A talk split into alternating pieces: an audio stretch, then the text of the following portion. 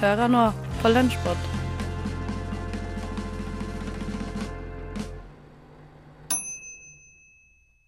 God dag, det er Tage som er her, og du vet, nå er det på tide for Lunsjpod.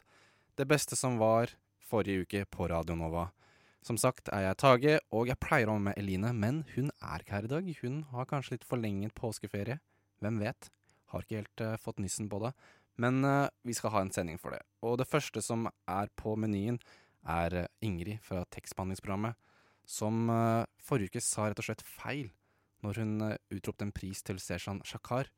Og dette vi skal høre nå, er når hun rett og slett legger seg helt langflat for den feilen hun bygger. I forrige sending skjedde noe forferdelig galt. Noe som aldri skal skje igjen. Men vi ses selvfølgelig neste onsdag. Da kommer den ferske vinneren av Nordisk råds litteraturpris, Shezan Shakar. Kjære lytter. Kjære redaksjon. Kjære Shezan Shakar. Kjære alle sammen. Det er med høye skuldre, vond mage og langflat kropp at jeg kommer med denne unnskyldninga. For jeg vet jo, i mitt hjerte, Shezan Shakar, at det var Tarjei Vesaas debutantpris du vant. Jeg spådde nok i framtida da jeg sa Den ferske vinneren av Nordisk råds litteraturpris, Shezan Shakar. I forrige sending. Unnskyld.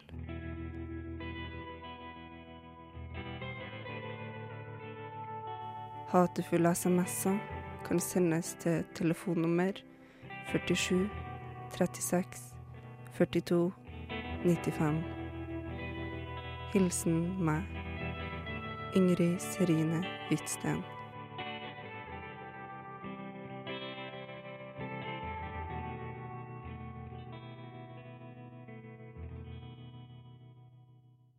fryktelig dramatiske som de er i tekstbehandlingsprogrammet, men det er jo viktig å innrømme sine feil. Nå skal vi over til uh, Kapitalen, som hadde sending om privatisering av verdensrommet. Og uh, jeg syns at dette var et utrolig kul, uh, kult innslag, og la oss ta en liten høretitt på det der. Man kan kalle utrolige fakta om dagens tema. I debatten rundt privatiseringen av verdensrommet er det mange stemmer som skal høres. Vi har besøkt Hans Gaarder, foredragsholder og fast skribent i den alternative avisen Nyhetsspeilet. Avisen ble startet i 2009 av healer og klarsynt Frank Aune, og dekker saker som ikke får gjennomslag i norsk media. Vi møtte Gaarder en torsdags ettermiddag for å høre det han selv kaller utrolige fakta om saken. Vi åpner med å spørre Gaarder. Har mennesket hatt noen aktivitet i verdensrommet som vi ikke vet om? Ja da, det har vært masse mennesker på planeten Mars helt siden slutten av ja, I hvert fall fra, 19, fra 1970-tallet. Så amerikanerne har hatt baser på Mars uh, lenge. De hadde faktisk hemmelig romfartsteknologi før de begynte med Apollo-ferdene på 60-tallet. De gjorde det? Uh, ja. Og det var jo noen utenomjordiske på, på månen da menneskene ankom i 69. Det er derfor filmingen av månelandingen var spilt inn i et filmstudio. da, For de ville ikke ha sånne alien linselus som dukket opp foran kamera. For det er et veldig sterkt hemmelighold av utenomjordisk liv. Hvis det kommer en uh, streng alien iført uniform, da, og så kan jeg få se landingstillatelsen deres uh, Det ville vært kjempeunderholdning å få det på jorden, men ville, da ville hele hemmeligholdet ryke. Gordar nevner hemmelighold, og vi er interessert i å vite hvorfor dette eventyret holdes hemmelig. En gang var det en slags sånn tankepolitiholdning da, som i 1947 da falt ned romskiver også vel i New Mexico. At å, vi er akkurat ferdig med krigen, og nå, nå, må menneskene få litt ro til å summe seg. Dette vil de ikke tåle å høre. Og da var det bare et slags tilfeldig resonnement som er blitt en slags fundamentalisme. Så poenget er at, at man har dette, denne todelingen. Altså, noe er da ting som blir vist frem, sånn via media det vi tror er det som styrer steller, og så er det ting, det skjer veldig mye, veldig mye i, i, i det skjulte med da involverte aktører med tunge taushetserklæringer og for så vidt lukrative avtaler hvis de gjør som de får beskjed om. Så jeg er helt på linje med åpenhet. Så la oss få litt transparens om ting som allerede har, foregått i jordmenneskelig regi utenfor planeten Jorden. Det er jo et lappeteppe av fascinerende aktiviteter. Det er ikke uvanlig at det er USA som får merkelappen som hovedaktør i det intergalaktiske maktspillet. Gaarder er enig i at USA står for store deler av både aktiviteten og hemmeligholdet. Men hvorfor alltid USA? Det som skjedde i 1950-årene, er at da USA, under USAs president Eisenhower ble det inngått en avtale med en gruppe utenomjordiske om at amerikanerne skulle få til, tilgang til romfartsteknologi, altså utenomjordisk romfartsteknologi og veldig avansert teknologi, i, i, som en slags sånn bytte, byttehandel. Derfor har USA hatt et hemmelig romfartsprogram innenfor det som kalles det militærindustrielle kompleks siden 1950-årene. Så de har da et, eh, et enormt forsprang rent teknologisk. Eh, fordi de har, liksom, de har fått drahjelp fra noen som, vet, som, vet, som, som behersker av ikke-jordisk eh, vitenskap som er mye mer avansert. Hvis da kineserne henter inn noen la oss si, eh, klassisk utdannede NTNU-ingeniører og skal begynne å spikke, spikke raketter altså de, de, blir liggende lysår etter i forhold til da, hva som allerede er realisert. Da i selskaper som da typisk Lockheed Skunk Works, Lockheed Skunk Works da, som ligger i, i, i, USA. Så Det er da viktig del av forklaringen på at det hele tiden er i USA. Det er at de har teknologien og holdt på med dette her en god stund. Gaarder forteller flere historier om hvordan både høytstående aktører og folk flest har involvert seg i verdensrommet.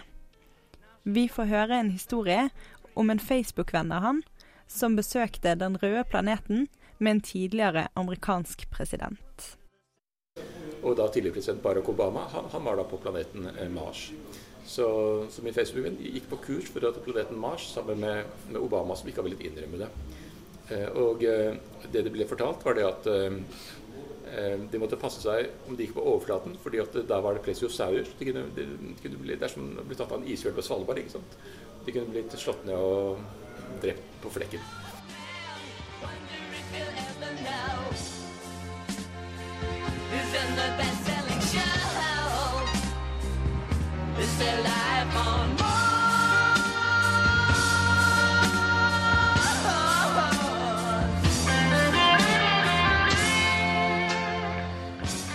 Det er lite ved historiene som minner om dommedagsprofetier. Gaarder er positivt innstilt til utviklingen videre, og mener at de ikke-jordiske aktørene egentlig er ganske likegyldige til oss. Det er med andre ord ingen grunn til å bekymre seg for en alien-invasjon eller en omfattende kolonialisering, og menneskets fokus burde heller være på å rydde opp på vår egen planet. Det der var altså Klaus Solbakken og Mari Aspen som lagde dette for, for Kapitalen. Eh, jeg tenker at nå så setter vi over til eh, noe helt annet, eller musikk. Nå skal vi ha Mokri med The Body That Beats. Mokri med The Body That Beats, uh, rett fra Radionovas A-liste, som du kan finne på radionova.no. Hanne Marie Nord fra Nova Noir tok seg et dypdykk i hva kan man si, skuespillerkarrieren til artisten David Bowie. 10.1.2016 døde David Bowie. Han var et musikkikon for flere generasjoner som vil huskes under mange navn. Han brakte til liv personligheter som Siggy Stardust, Aladdin Sane og The Thin White Duke. Men det var ikke bare disse navnene han tok som sine. Han har også en lang og tidvis omdiskutert skuespillerkarriere. Særlig Bowies første forsøk på roller som ikke var like sære og mystiske som han sjøl, har fått mye kritikk men som fan i utgangspunktet er det stort sett alltid gøy at Bowie dukker opp. Som en liten hyllest til skuespilleren Bowie tenkte jeg å trekke frem noen minnerike prestasjoner. Fire filmer fra fire tiår. The Man Who Fell to Earth, 1976. Dette var den første store rollen som Bowie personifiserte, og er nok min personlige favoritt. Tegnene tyder også på at det var den rollen som lå Bowies hjerte nærmest. I realize you've made certain assumptions about me. I can see the flash of an X-ray camera. It's blinding. I filmen, som er basert på en bok av Walter Tavlis fra 1963, spiller Bowie Thomas Jerome Newton, en utenomjordisk mann som krasjlander på jorden på jakt etter vann som han kan ta med til planeten sin som lider under tørke. Etter å ha først brukt alien-teknologi til å bli styrtrik, forsøker han å reise hjem igjen, men kommer seg ikke fra jorden. I'm not a scientist but I know all things begin and end in eternity. Musikalen 'Lazarus', som David Bowie laget kort tid før han døde, var en form for fortsettelse på Newtons historie.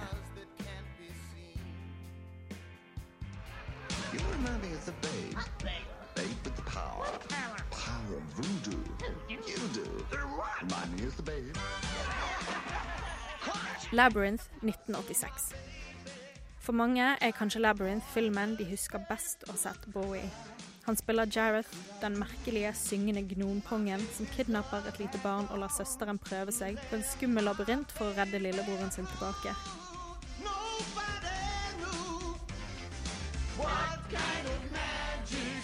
Bowie danser rundt i lakk og lær med glitrende sminke og bustete hår, og kunne kanskje like gjerne vært en av hans scenepersonligheter. Filmen ble dårlig mottatt, men har siden blitt en kultfavoritt.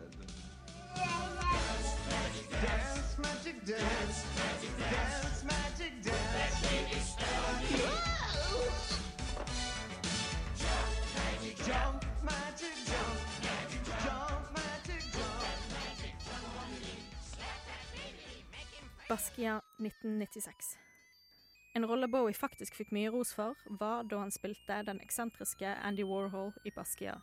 Filmen om New York-kunstneren Jean-Michel Basquiats liv. That's just not true, Jean. I mean, you phone me at four in the. What are you doing? You're painting out everything I do. Til denne rollen fikk Bowie låne Warhols ekte parykk, og ellers spilte han kanskje stort sett bare seg sjøl. Det får være opp til øyet som ser. Både leken og merkelig var han i hvert fall. Og mange som kjente Warhol personlig, skal ha satt pris på Bowies arbeid med rollen. Oh, that's great. System with just the M. I can't even see what's good anymore.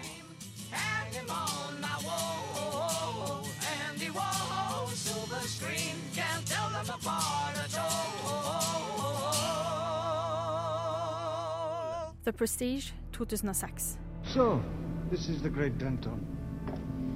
Mr. Ellie has refused about your acting on any number of occasions. Her spiller David Bowie Nikola Tesla. Regissøren av filmen, Christopher Nolan, har sjøl sagt at han sleit med å finne en rett skuespiller til denne rollen, men at tanken slo han om at Nikola Tesla på mange måter var den opprinnelige Man Who Fell to Earth, skjønte han at ingen ville passe så bra til rollen som David Bowie. Bowie sa først nei, og Nolan måtte trygle helt til han fikk et ja. You're familiar with the phrase, man's reach exceeds his grasp. Is a lie. Man's grasp exceeds his nerve. Society only tolerates one change at a time. Her er det altså nok av filmer å ta en titt på om du er som meg og sørger litt ekstra over en svunnen alien i disse tider.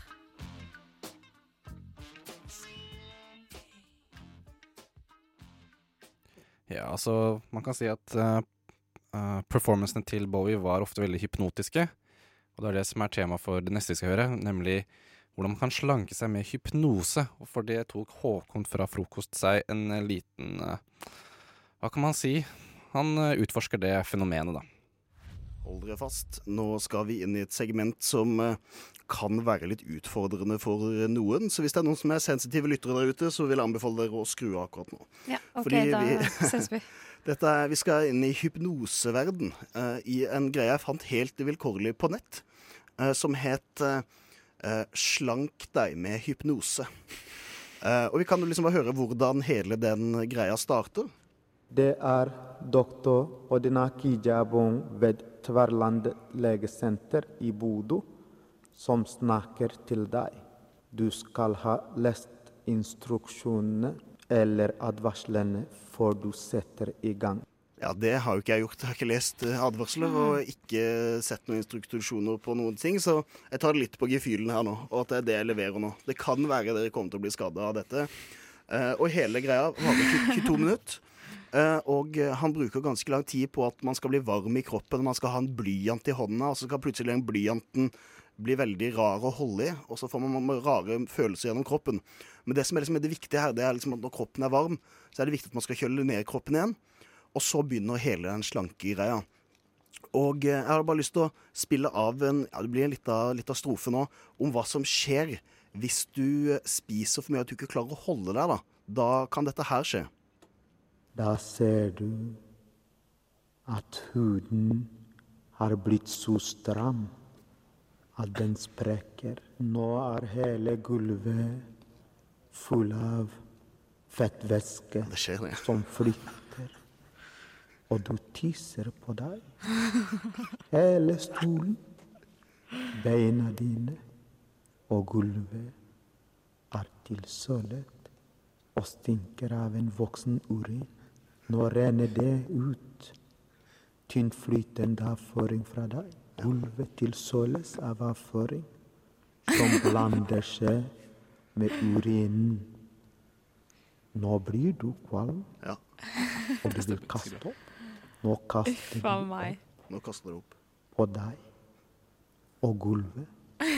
Oppkasten blander seg med fettvæsken, urinen og avføringen, og stanken er uholdbar.